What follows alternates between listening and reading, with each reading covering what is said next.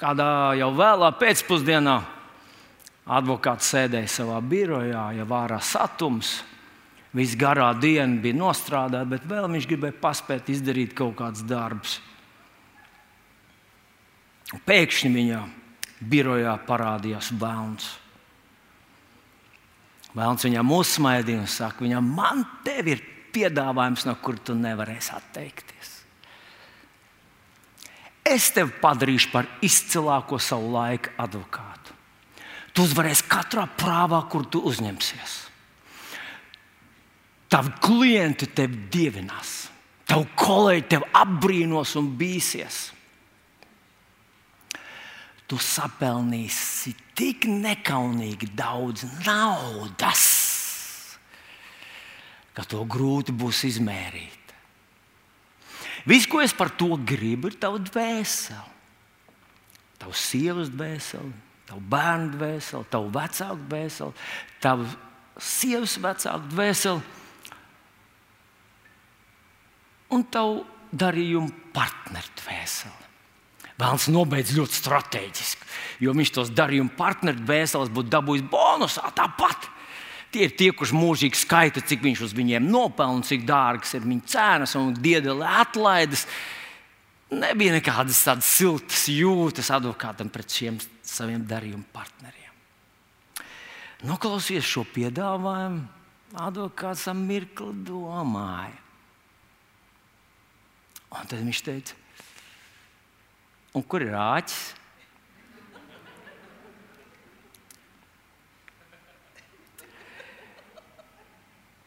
Jūs zinat, no dienas, ja tu vēlreiz sāc apdomāt, ko tas dod tev, cik daudz tu iegūsti un padomā, kādu dzīvi tu vari nodzīvot. Tas piedāvājums vairs nemaz neliekas zemē metams. Ziniet, ja mēs sākam vērtēt savu dzīvi, un vispār, ja mūsu dzīves paradigma ir, ko es no tā iegūstu, ja tas ir labi, ja es no tā iegūstu, nu tas, tas princips pēc manis kaut vai ūdens plūdi, tad tas maina visu mūsu dzīvi. Un jūs piekritīsiet, ka mēs neviens negribētu tādu advokātu sev. Mēs negribētu iet pie tāda doktora, mēs negribētu, lai tāds skolotājs māca mūsu bērnus. Vēl pasargā Dievs, mēs negribētu tādu cilvēku apprecēt. Mēs gribam, lai viņš revidē, mēs gribam, lai tas mūsu partneris vai cilvēks, kurš ir mums blakus, lai viņš tiek vaļā no šādām paradigmām, no šāda skatu punkta. Un, ja mēs uzmanīgi esam ieklausījušies šajā inventarizācijas tēmā, kurā jau mēs esam kādu laiciņu, mēs dzirdam šo aicinājumu, ka mums vajag pārmeklēt. Atcerieties, apelsīns Pāvils vēstulē korintiešiem 11, uh, 1. korintiešiem 11. saka, lai cilvēks pats sevi pārmeklē. Tur tā lielā paradigma maiņa, ko Dievs grib, lai mēs mainām, visai Bībelē cauri. Ja tu sāc lasīt Bībeli no vecās derības, tu ar vienu sastopies ar to atgriezieties no grēkiem. Pravietis nāk pie cilvēka un saka, atgriezieties, atgriezieties. Un tas nozīmē kaut ko mainīt sevī. Marka evanģēlijā, pirmajā nodaļā, kur ir aprakstīta Jēzus uh, kalpošanas vai viņa sludināšanas kvintessence, tas kā kopsavilkums, tur rakstīts tā, ka Jēzus pamatā sludināja, ko laiks ir piepildīts, tad laiks ir atnācis. Dieva valstība ir tuvu klāt atnākusi atgriezieties no grēkiem un ticiet uz evaņģēliju. Atgriezieties no grēkiem. Tas bija vecajā derībā, bet Jēzus arī savu kalpošanu un savu sludināšanu piesaka ar šiem pašiem vārdiem: Atgriezieties! Ko nozīmē atgriezieties?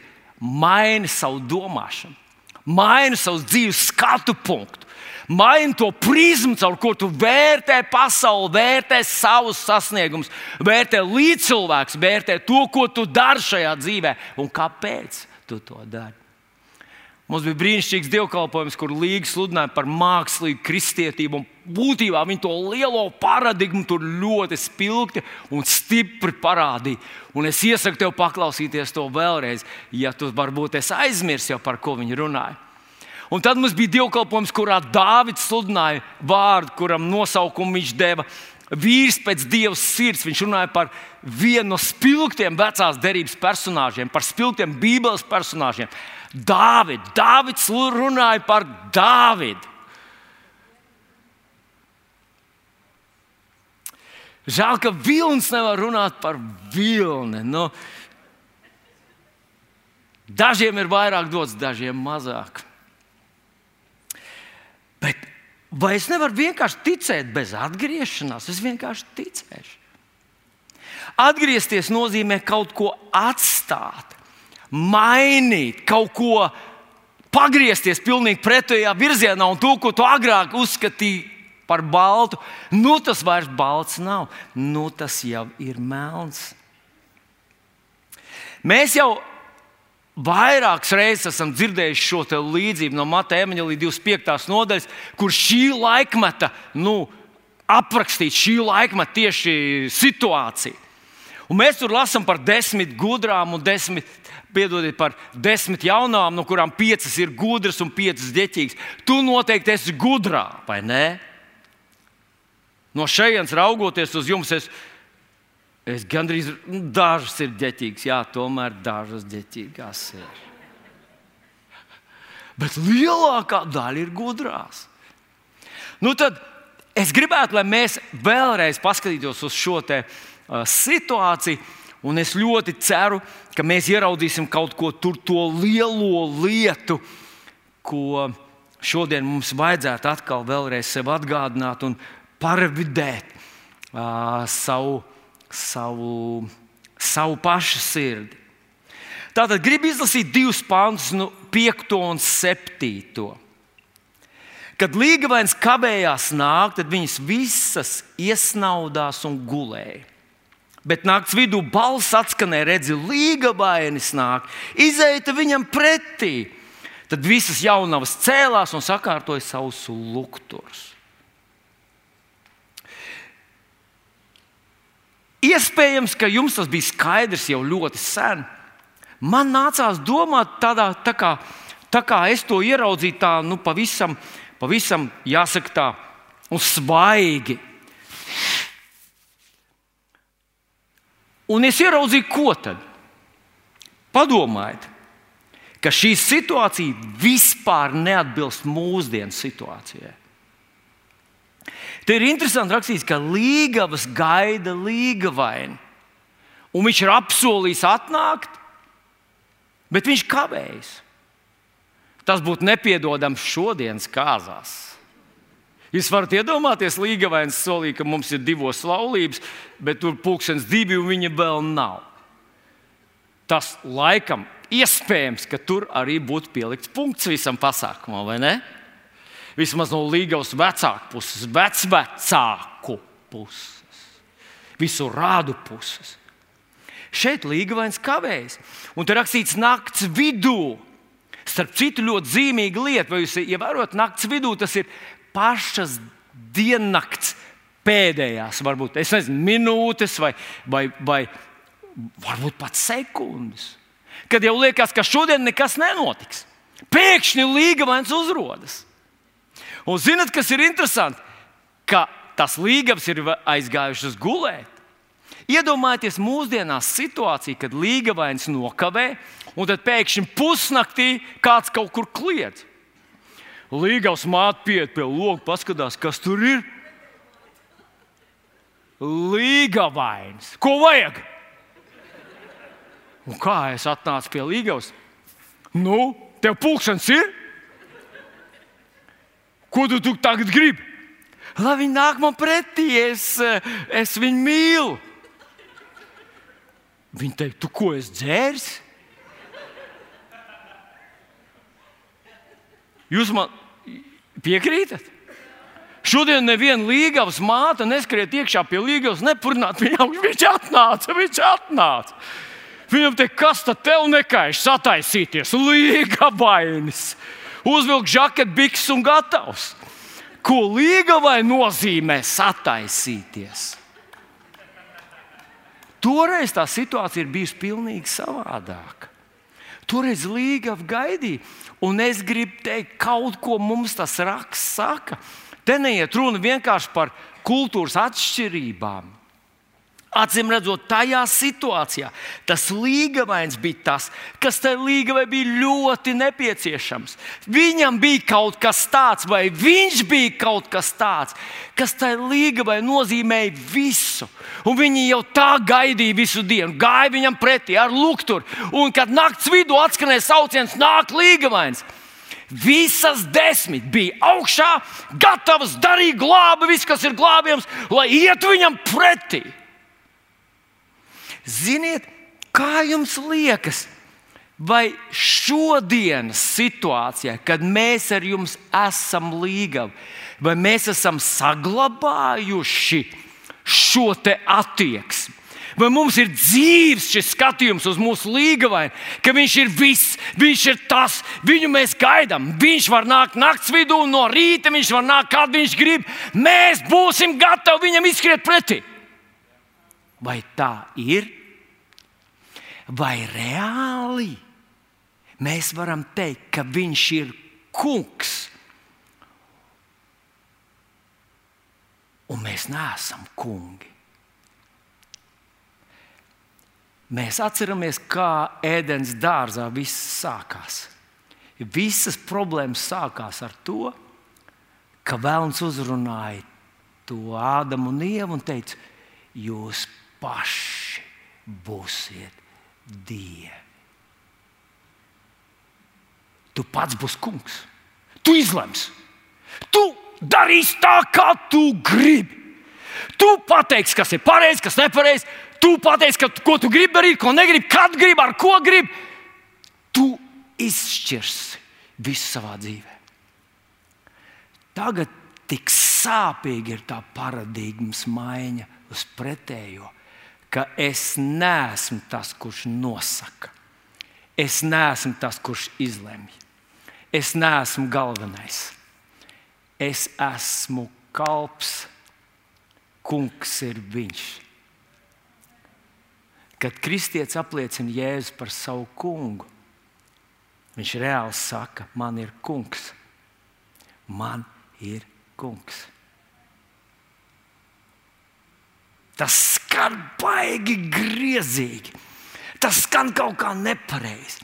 Mēs tā negribam, lai kāds par mums domā, ka mēs esam nu, tā atkarīgi no kāda cita lēmuma, no kāda cita domām.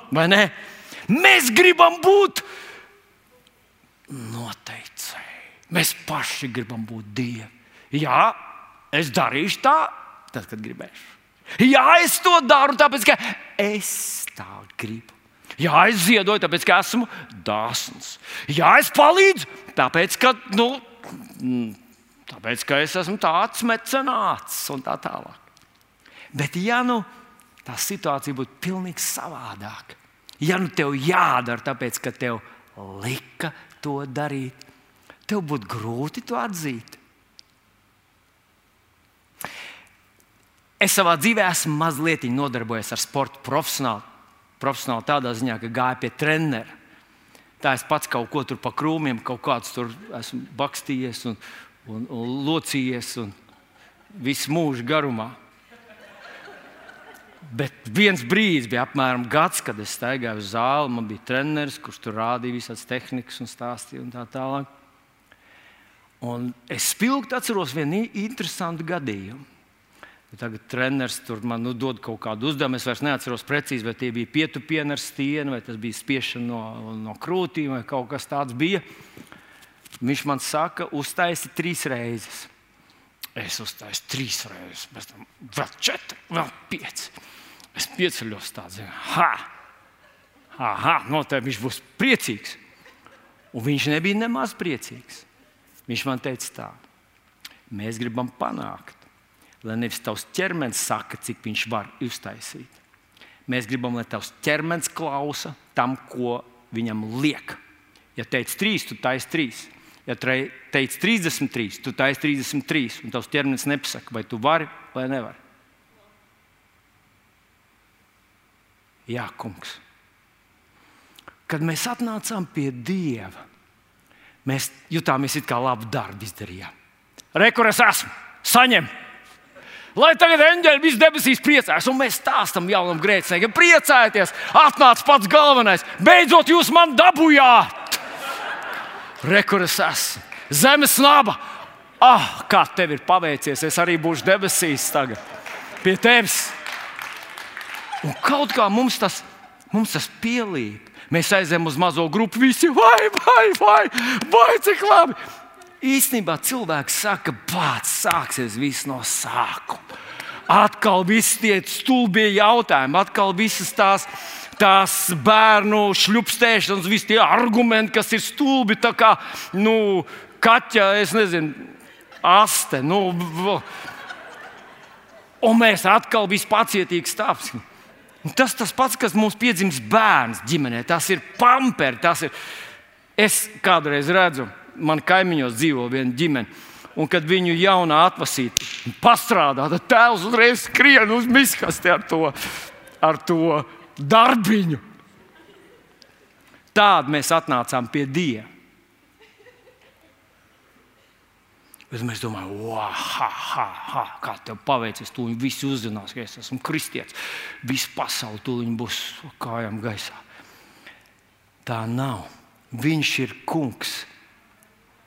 Kad Pāvils piesakās, viņš raksta burtiski tā kunga vergs. Viņš izmanto visstiprāko grieķu vārdu, lai pateiktu, es esmu kalps.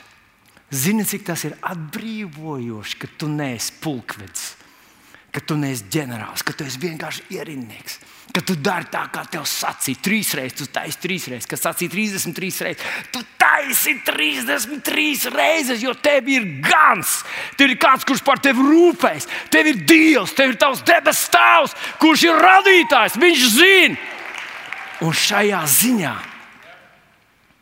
es zinu, ka tev arī ir plāns, bet tas plāns, tic man, nerealizēsies. Vislabāk ir atdot savu plānu un teikt viņam, kungs, es zinu, tev ir plāns, to es gribu.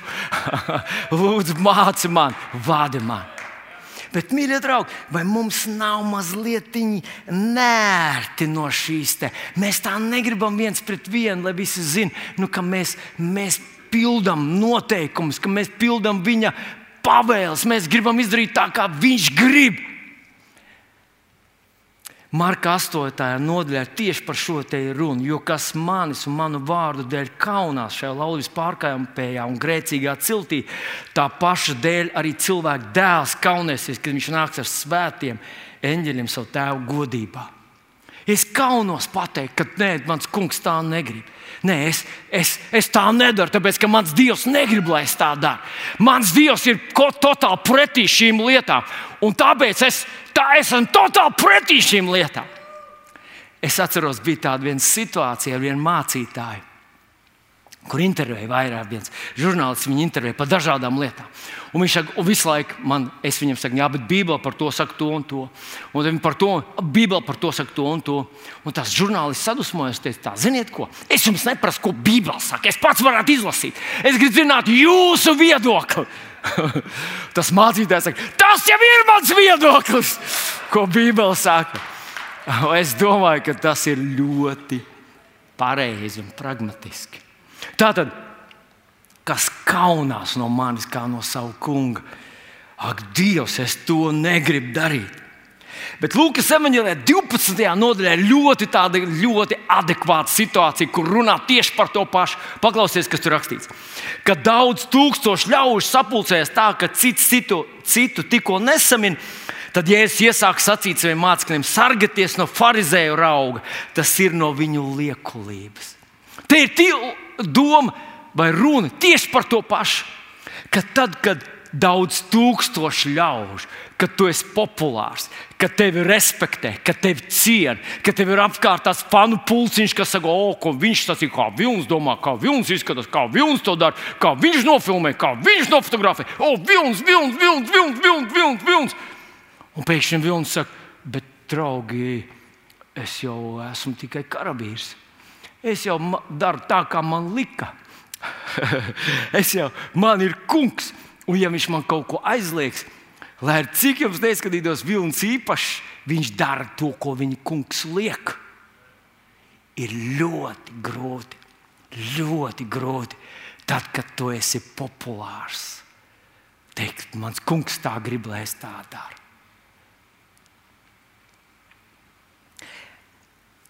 kādā ģimene bija piedzīvojusi ļoti smagi, tad, kad bija tas pēdējais banku krīze, piedzīvoja ļoti smagu finansiālu kritienu, sitienu. Viņi tagad banka ņēma nost, viņiem, vis, viņiem bija vairākas mājas tur un, un kaut kādas tur vēl vis visādas nu, pričindāls, bet vēl viņiem bija ļoti smalka mašīna. Un viņa ģimenē runāja tā, ka mums nebūtu problēmas atdot mājas un atdot visu to, kas tur vēl mums ir jo cilvēki neredz, no kur tu dzīvo. Viņi redz, ar ko tu brauc. Tas sāpīgākais bija nevis tieši tas finansiālais zaudējums, bet tas, ka cilvēki uzzinās, ka tev tagad ir tik grūti.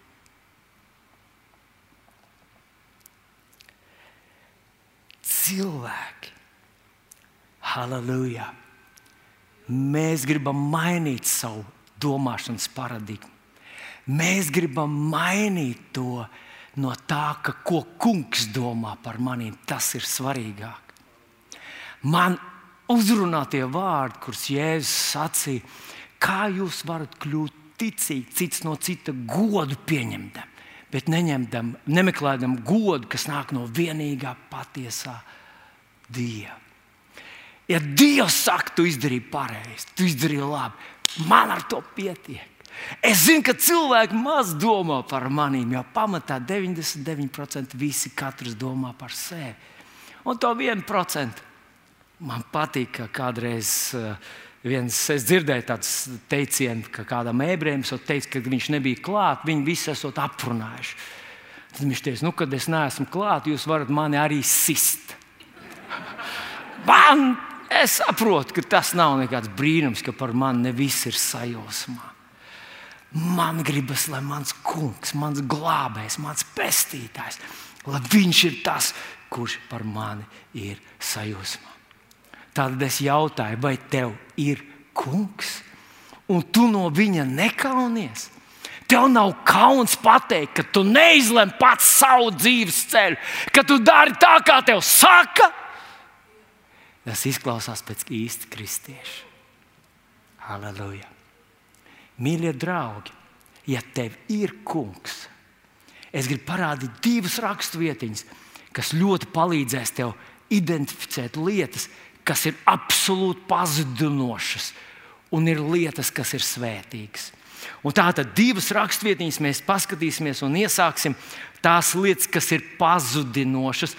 Salmam pamācības sestā nodaļa. Un paskatīsimies šeit no 16 līdz 19 pantam. Tātad lietas, kas ir toksiskas. Rekā tas te ir pieteikts. Šīs sešas lietas tas kungs ienīst. Ļoti stipri pateikts, tas kungs ienīst. Tas kungs ienīst sešas lietas. Wow! Iedomājieties, ka tu beidzot dabūjis darbu tādu, kā tu visu laiku gribēji. Tu tagad strādā tajā uzņēmumā, kurā tu gribēji, kurā maksā, kurā tu jūties novērtēts ar karjeras iespējām. Un, un tad tev tas tav, tavs darba devējs saka, tā, mums ir viena sarkanā līnija, un tā ir pieņemsim Pieņemsim, ka tas ir kaut kāds veikals. Viņš saka, ka, tie cilvēki, kas te atnāk un kaut ko nopērk, viņi samaksā tavu algu, samaksā tavus komunālos, viņi samaksā par taviem izdevumiem, samaksā par tavu degvielu, samaksā īri, samaksā par to preci, viņi samaksā man, viņi samaksā nodokļus, viņi samaksā uh, par karu, viņi samaksā bēgļiem. Viņi visu to samaksā. Tāpēc mēs gribam, ka katrs, kurš ienāk mūsu veikalā, mēs pret viņu izturamies ar cieņu. Vienalga, pat ja ienāk kāds savs personīgais nedraugs, šeit tu viņu apkalpo kā savu vislielāko draugu. Sarunāts? Ko tu teiksi? Sarunāts. Un tagad tu gribi zināt, kas tad vēl ir kaut kādas sarkanās līnijas tavam priekšniekam, jo tu esi tur, kur tu gribēji būt. Un tas ir tas, ko mums Bībelē saka, ka ir lietas, kuras Dievs ienīst. Paklausies, sešas lietas viņš ienīst. Bet septītā vispār viņam ir negatīva. Septītā ir kaut kas tāds, ko viņš nevar sagramot, kas viņam vispār, nu, nu, nu viņš par to vispār nu, līdz tam nenonāk nekad. Un tagad paklausies, kas tas lietas ir. Augstprātīgas acis, melīga mēlē, rokas, kuras izlaiž nevainīgas asinis, sirds, kas staigā apkārt ar ļaunu viltu sevi, kājas, kas ir raitas, lai nodarītu citam ļaunu, viltīgs liecinieks, kurš nekaunīgi runā melus, un tas, kurš rada nesaskaņas brāļu starpā. Kas ir pēdējā lieta? Pēdējā septītā, tā kas ir Dieva acīs negatīva vispār. Viltīgs liecinieks, kurš rada nesaskaņas brāļu starpā.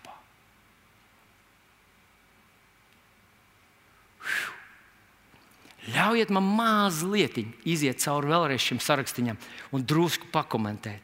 Tātad pirmā ir augstprātīgas acis. Te ir ļoti interesanti pateikt, ka te nav teikts augstprātīgs cilvēks. Lai gan mēs saprotam, ka augstprātīgs cilvēks, viņam ir tas augstprātīgais skatiens, tās augstprātīgas acis. Šī pati doma ir izteikta vēl dažādās arī jaunās darbības raksturvietās. Mēs visi zinām no Jēkabas 4, 6, kur rakstīts, Dievs lepniem stāv pretī, pazemīgiem dod žēlstību. 1. pētera 5, 5 arī šis pati doma, bet tā ir pārteikta vai tā ir atsauce, vai tas ir pāns no, arī no Salmāna pamācībās, kur arī ir runa par lepnu cilvēku. Pamācībās 3.34. paklausies, kā tur ir pateikts. Viņš nicina nicinātāju, un viņš izsmeja smējēju. Bet nelāmīgam viņš piešķir savu žēlastību. Lepns cilvēks. Un, manuprāt, ir divi veidi lepnie. Ir viena tāda, kur saka, es. O, es, es, nu, es, es esmu tik gudrs, tik talantīgs, es vispār esmu. Es, es. Manuprāt, tāda ir mazākums. Un iespējams, ka tas jau robežojas ar, nu, ar kādu diagnozi. Es nesaukšu tās diagnozes, viņas ir vairākas, un es domāju, ka tautā ir diezgan izplatīts. Bet ir otra veida lepnie, un tie ir tie, kas noniecina to otru.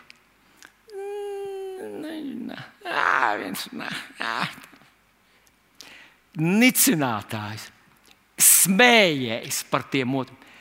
Un, un tas Dievs ienīst augstprātīgas acis. Dievs vai manas acis redz to otru cilvēku, to otru brāli, to otru augstu vai zemu, tuvu vai tālu.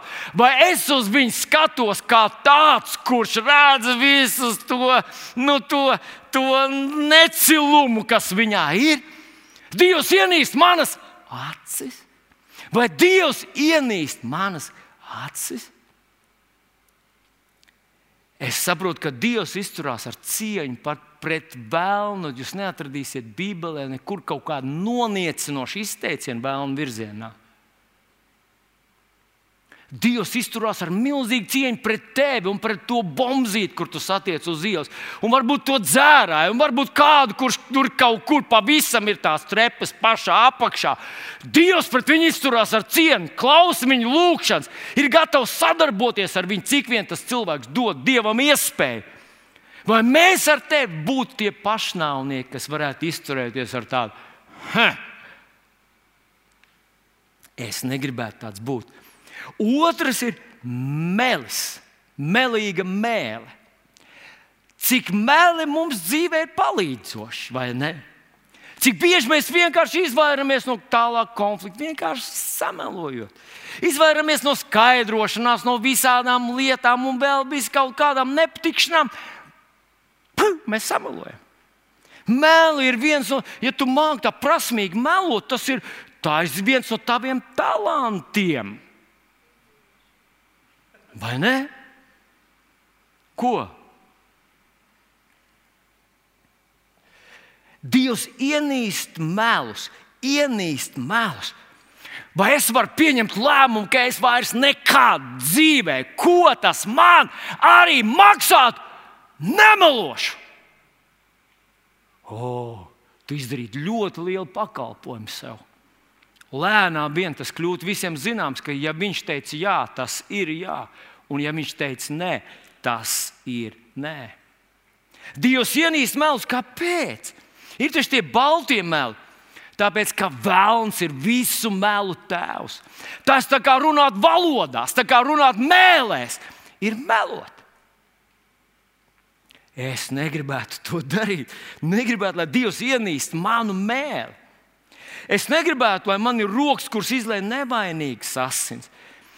Uz šā panta pamata mēs zinām, ka acīm redzot, kādreiz var izliet asins arī, kuras nav nu, šī nu, kā lai pasakā, Teiksim, tas, ko dara Ukraiņas aizstāvi šobrīd Ukrajinā, nav nevainīgu asiņu izliešana. Viņi aizstāv savus ģimenes, aizstāv savus mājas, ir taisnīgs aizstāvēšanās karš, kad tu nogalini iebrucēju Manuprāt, viens ukrāņu karavīrs un iebrucēju karavīrs stāvot Dieva priekšā, viņiem ir pavisam atšķirīgas pozīcijas. Jo viens cīnījās par savu, saviem bērniem, par viņu dzīvībām, otrs bruka iekšā, nesaprotams, kāpēc viņš to dara. Tā tad Dievs negrib, Dievs ienīst rokas, kuras izlaiž nevainīgas asins, un tās ir tikai pēc meliem. Lai gan es ticu, ka Dievs ienīst tās tikpat ļoti. Sirds, kas staigā apkārt ar ļaunu viltu sevi. Ja tu palasīsi King James, tur runa par cilvēku, kurš iztēlojas ļauno. Mūsu sirdī ir spējas redzēt to, ko mēs neredzam acīm, mēs redzam ar sirdi. Un ir cilvēki, kuri tā ir ietrenējuši savu sirdi, kuriem ir tāda, ziniet, tā, ka viņi netic nevienam, neviens nav labs. Esmu dzirdējis, ka cilvēki, kas strādā nu, ar, ar policijā, piemēram, kas strādā ar noziedzniekiem, zagļiem, vis, visādiem, ka viņi lēnām tā viņu profesionāla darbība tā ietekmē visu viņu pasaules uzskatu. Viņiem vispār neliekas, ka pasaulē ir kāds godīgs cilvēks. Nav neviena godīga, nav neviena īsti tāda patiesa cilvēka. Visi ir blēži. Atšķirība tikai ir tā, ka viens pieķer otru, otriem izdodas noslēpties. Nu, Dievs ienīst tādu sirdi. Es negribētu staigāt ar tādu. Tas nav viegli izmainīt sevi, bet, ja tas tev ir uzrakstīts, tad tu vari kaut ko darīt, lai izmainītu savus priekšstats, tas, kā tu redzi citus cilvēkus un kā tu vispār uztver situācijas. Kājas, kas ir raitas, lai nodarītu citam ļaunu, es esmu ar to saskāries dzīvē, ka cilvēks pilnīgi motivē kaut kas, viņam parādās enerģija, ja viņš kādam var nodarīt sāpes. Es negribētu tāds cilvēks būt. Viltīgs liecinieks mēs nobeidzam ar sesto. Viltīgs liecinieks. Tātad tas, kurš apmelo kādu. Dievs ienīst cilvēku, kurš runā melus, apmelodams kādu. Tu neesi izdrošs, tev nav faktu, bet tu runā. Iespējams, tāpēc, ka tavs sirds staigā ar šo ļauno iztēli. Un tas ir briesmīgi. Bet visbriesmīgākais, viltīgs liecinieks, kurš rada nesaskaņas starp brāļiem. Dievs, dievam tā ir negantība. Dievam tā ir negantība. Es negribētu būt tas cilvēks, Es negribētu, lai, tu esi tas cilvēks, kurš staigā apkārt un iepilina kaut kur visur, iepilina to savu indi, lai sanaidotu brāļus, lai sanaidotu draugus. Sēna atpakaļ bija tāds Džons Avanzīnī. Viņš teica, cilvēks, kurš ir sašķēlis draugu, viņa labākās dienas ir viņam aiz muguras. Nevienmēr uzreiz tas izskatās, nevienmēr uzreiz Dievs pļauj to cilvēku nost. Bet te ļoti stipri pateikts, ka Dieva acīs tā ir pēdējā, galējā negatīva. Hei, to tu negribi darīt. Tu negribi piederēt šim te septiņu lietu sarakstam. Tās ir lietas, no kurām tu izvairies, jo tu taču nedari, ko tu dari, ko tu gribi. Tu jau neesi savs dzīves dievs un kungs. Tu esi avs un tev ir gans, kurš tev māca iet pa pareizo ceļu. Halleluja! Kungs, lūdzu! Vai es esmu kādreiz izturējis augstprātīgi? Es esmu. Vai es samēlojies? Esmu, esmu. Vai mans rokas ir izlējušas nevainīgas asinis? Es domāju, ka es to neesmu darījis, kungs, bet es esmu kādreiz izturējies ar sliktām domām pret kādiem cilvēkiem. Kungs, vai manas sirds ir sevi nesājusi tādas sliktas iztēles? O, jā, man ļoti žēl, es atgriežos no tā, es lūdzu, piedod man, šķīstī man. Es negribu būt cilvēks, kurš, kuram dod enerģiju, kādam nodarīt sāpes. Dievs, es negribu runāt melus par cilvēkiem. Es labāk paklusēšu, es labāk jutīšos neiederīgs. Es labāk iešu prom, iešu uz mājām. Bet es neatradīšos kompānijā, kur mēs kādu aprunājam, par kādu stāstam melus. Vēl jau vairāk, ja tas ir kāds no dievam ticīgajiem viņa bērniem.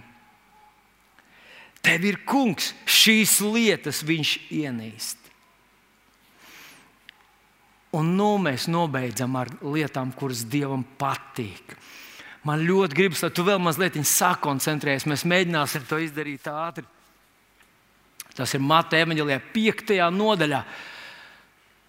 Tā ir uh, Jēzus slavenā kalna svētkruna.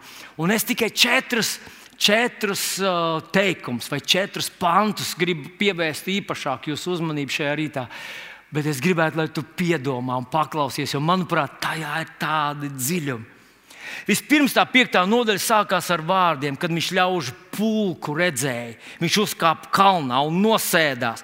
Kāpēc? Lai viņš varētu uzrunāt viņus. Viņš uzrunāja visus. Šīs nav pamācības apstuļiem. Vēl nav 12 apstuļi, vēl nav nozīmēti. Ir gan Jēzus mācekļi, bet viņš vēl nav iecēlis, viņš nav izsūtījis viņu. Viņi ir ar viņu tur, bet viņš uzrunā plašas ļaužu masas šeit. Un tad viņš saka, savu muti atdarīs, viņš tos mācīja. Jēzus diezgan daudz mācīja. Un tas nozīmē, ka tas ir kaut kas, ko tu gribi paturēt prātā, kaut kas, ko tu gribi paņemt līdzi. Tas nav vienkārši tas loziņš, uzsauciens, kuram tu pakliedz līdzi, pavibrē, un ar to beidzās. Tu paņem līdzi, tu patur to prātā, tu mēģini sev to atgādināt. Tu gribi integrēt to savā dzīves skatījumā. Un ko tad viņš te saka?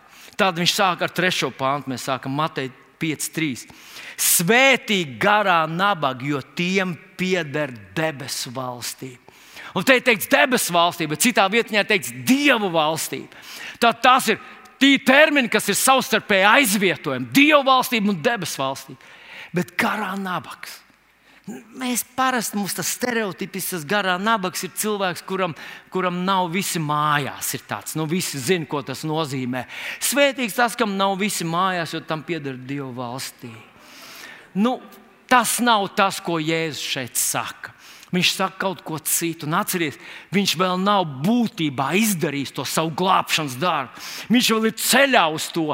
Bet viņš uzrunā šos cilvēkus un runā par cilvēkiem, kuri jūtas neadekvāti tām dievu prasībām, tai savai misijai, tam, kas viņiem ir jāizdara, kas viņiem ir jāpaveic, tām lomām, kas viņiem jānospēlē dzīvē.